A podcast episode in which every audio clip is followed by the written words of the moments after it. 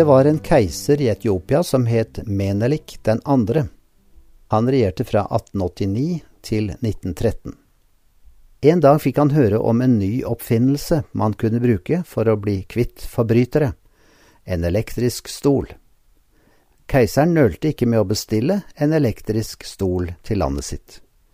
Men ingen hadde fortalt ham at de trengte strøm til denne saken, så da den kom, ble spørsmålet hva kan den brukes til? Keiseren ville ikke noe skulle kastes, så han tok den i bruk som en tronstol for seg selv. Et annet henrettelsesredskap er blitt en trone. Jesus døde på et kors, og korset er blitt et sterkt symbol på liv, håp og oppstandelse. Millioner ser på korset som et tegn på at døden og ødeleggelsen ikke får siste ordet. Jesus viste seg som seierherre på korset.